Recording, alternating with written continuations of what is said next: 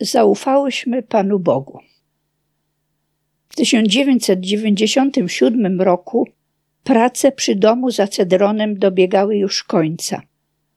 Tymczasem główny dom na Kopigórce również wymagał już poważnego remontu.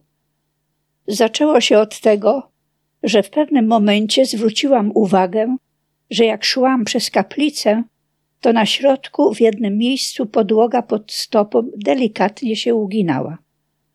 Wcześniej tego nie było, więc wydawało mi się, że coś się niedobrego zaczyna tam dziać. Bałam się, że jeżeli nic z tym nie zrobimy, to może być katastrofa. Przecież tu nieraz i setka ludzi naraz wchodziła.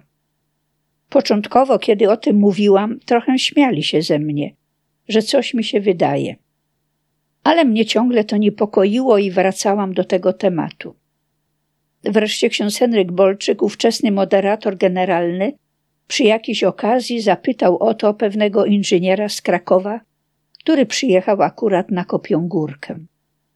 Inżynier ten pooglądał dom z zewnątrz i wewnątrz.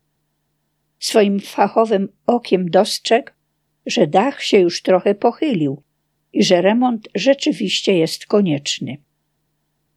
Jak już on tak stwierdził, to trzeba było coś z tym zrobić.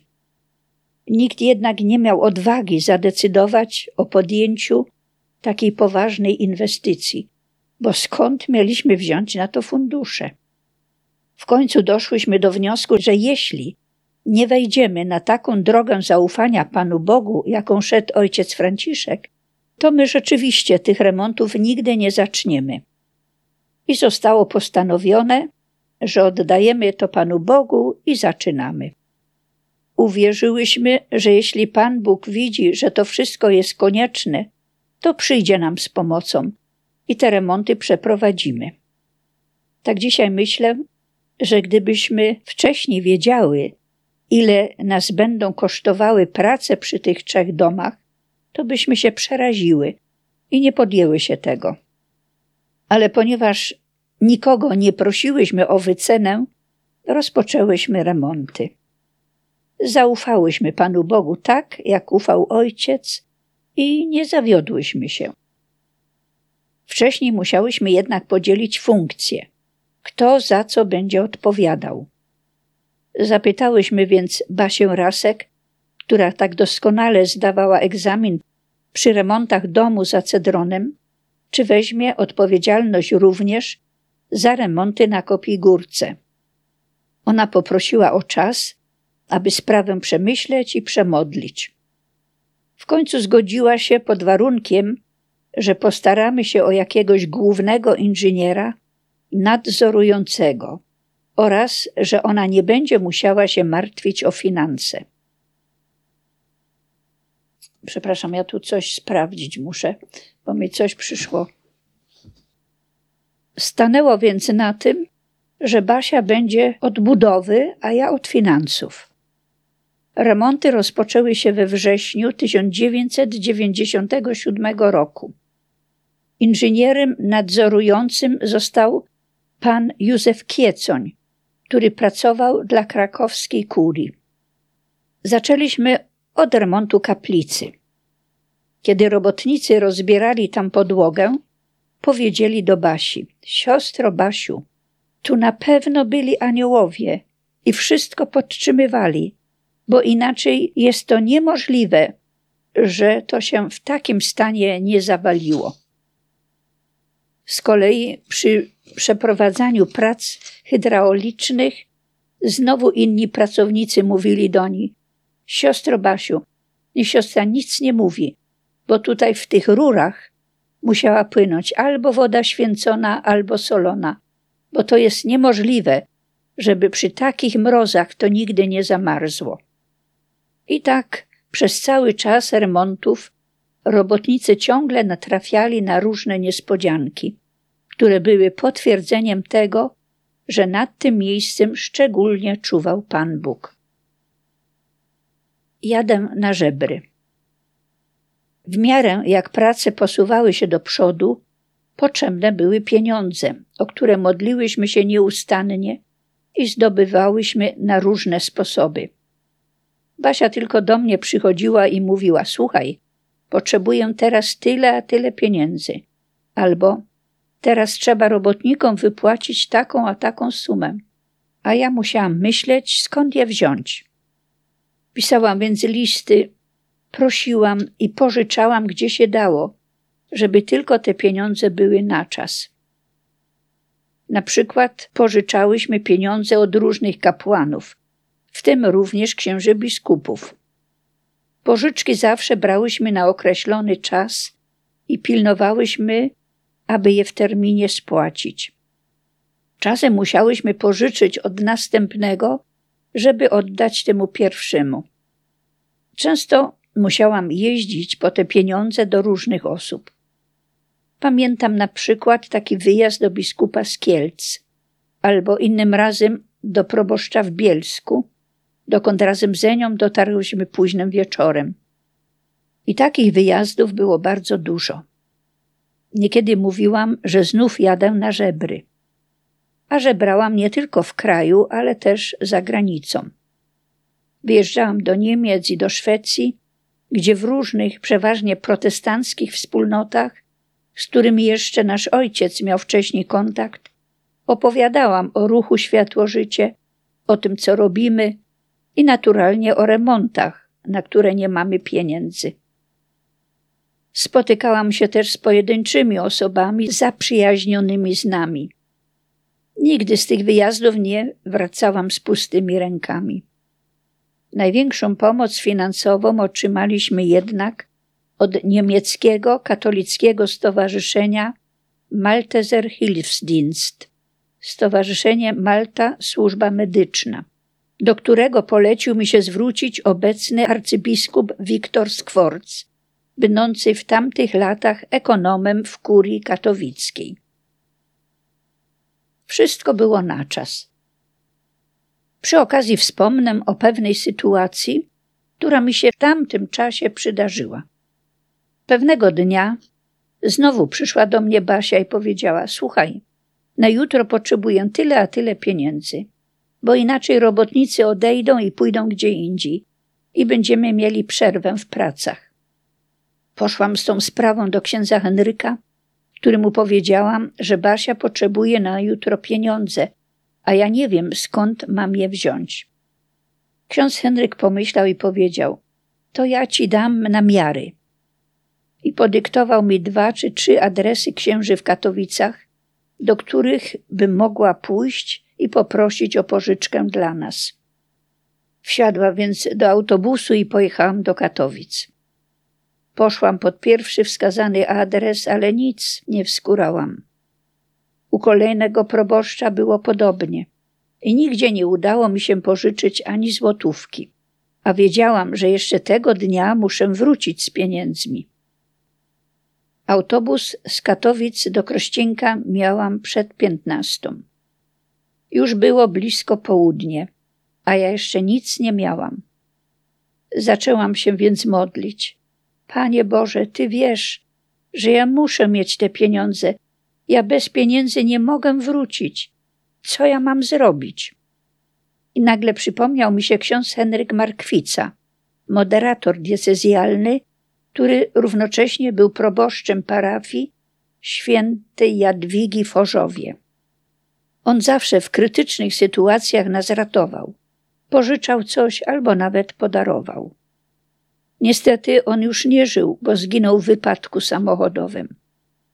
Nowym proboszczem był po nim w tej parafii ksiądz Emanuel Pietryga. Modliłam się więc dalej. Wiem, Panie Boże, że ksiądz Henryk na pewno by nam pomógł, ale tego nowego nie znam, nie wiem, jaki on jest i nie wiem, jak może zareagować na taką moją prośbę. Zwróciłam się więc w modlitwie do zmarłego proboszcza. Księże Henryku, ksiądz nas zawsze poratował. Ja teraz potrzebuję pomocy, ale nie wiem, jaki jest następca księdza. Niech ksiądz coś zrobi.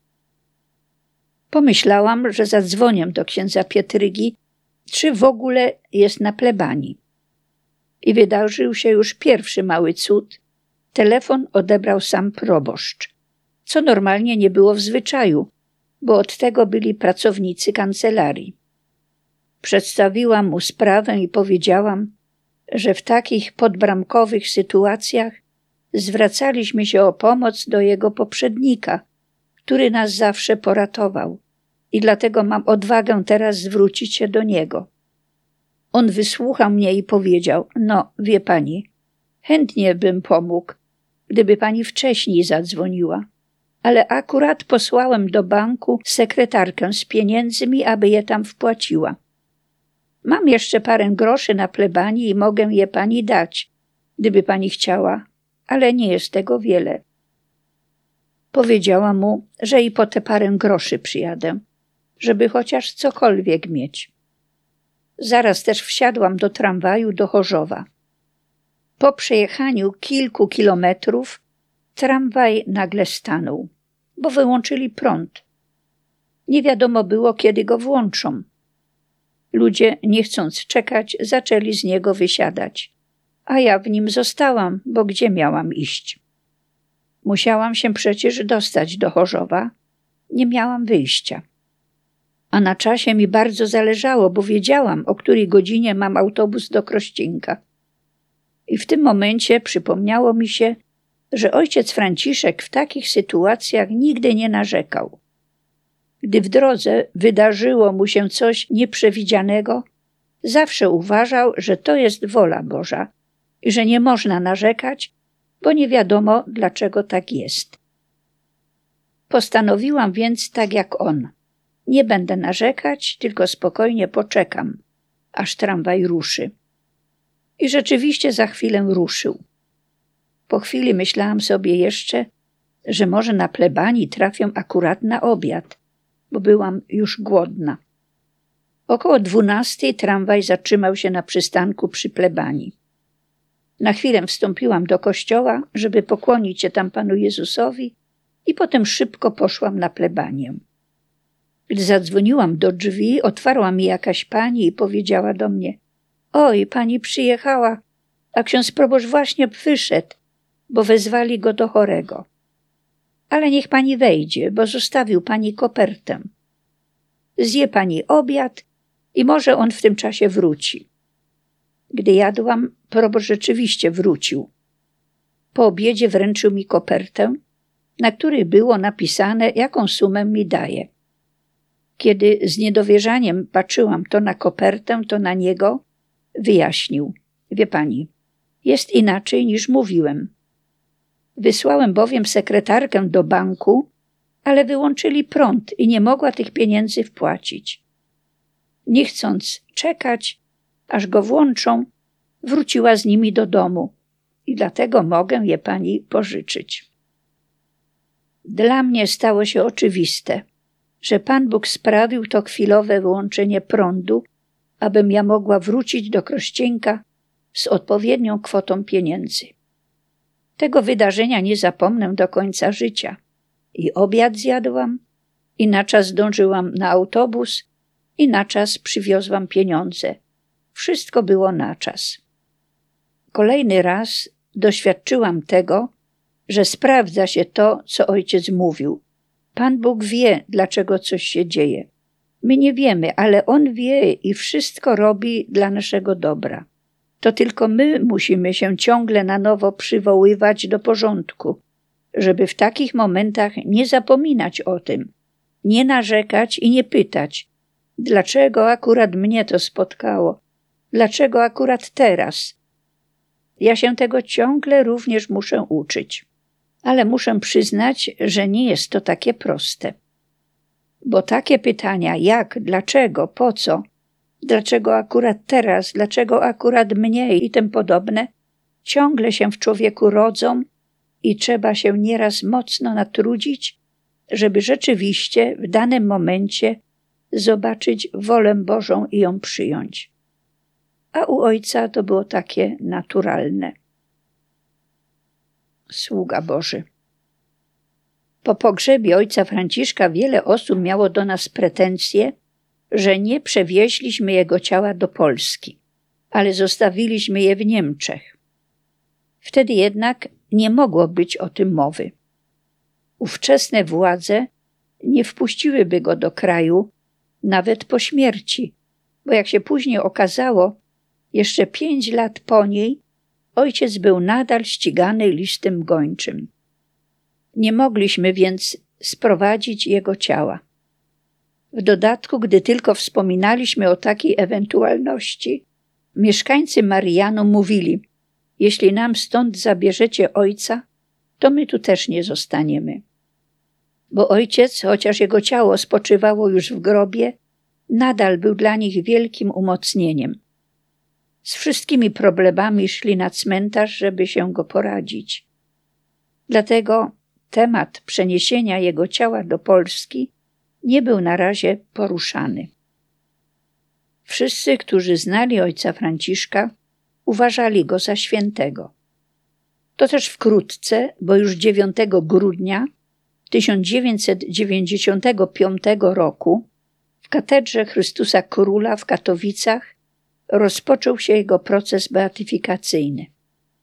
Od tego momentu ojcu zaczął już przysługiwać tytuł Sługa Boży. W czasie trwającego procesu badano wszystkie materiały dotyczące jego życia i dzieł, które podejmował, a także przesłuchiwano świadków.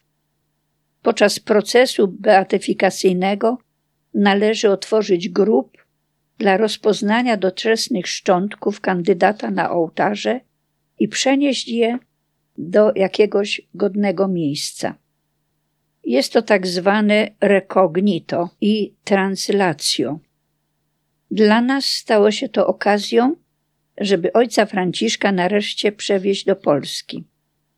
Ponieważ było to związane z trwającym procesem beatyfikacyjnym ojca, mieszkańcy Marianom nie mieli już pretensji, że im go zabieramy. Ale powstał następny problem. Gdzie w Polsce mają spocząć doczesne szczątki ojca Franciszka? W tym czasie w Katowicach była już mocno posunięta budowa kościoła pod wezwaniem niepokalanej Juczenki Wolności, tego, pod który kamień węgielny poświęcił papież Jan Paweł II w Nowym Targu w 1979 roku podczas swojej pierwszej pielgrzymki do ojczyzny.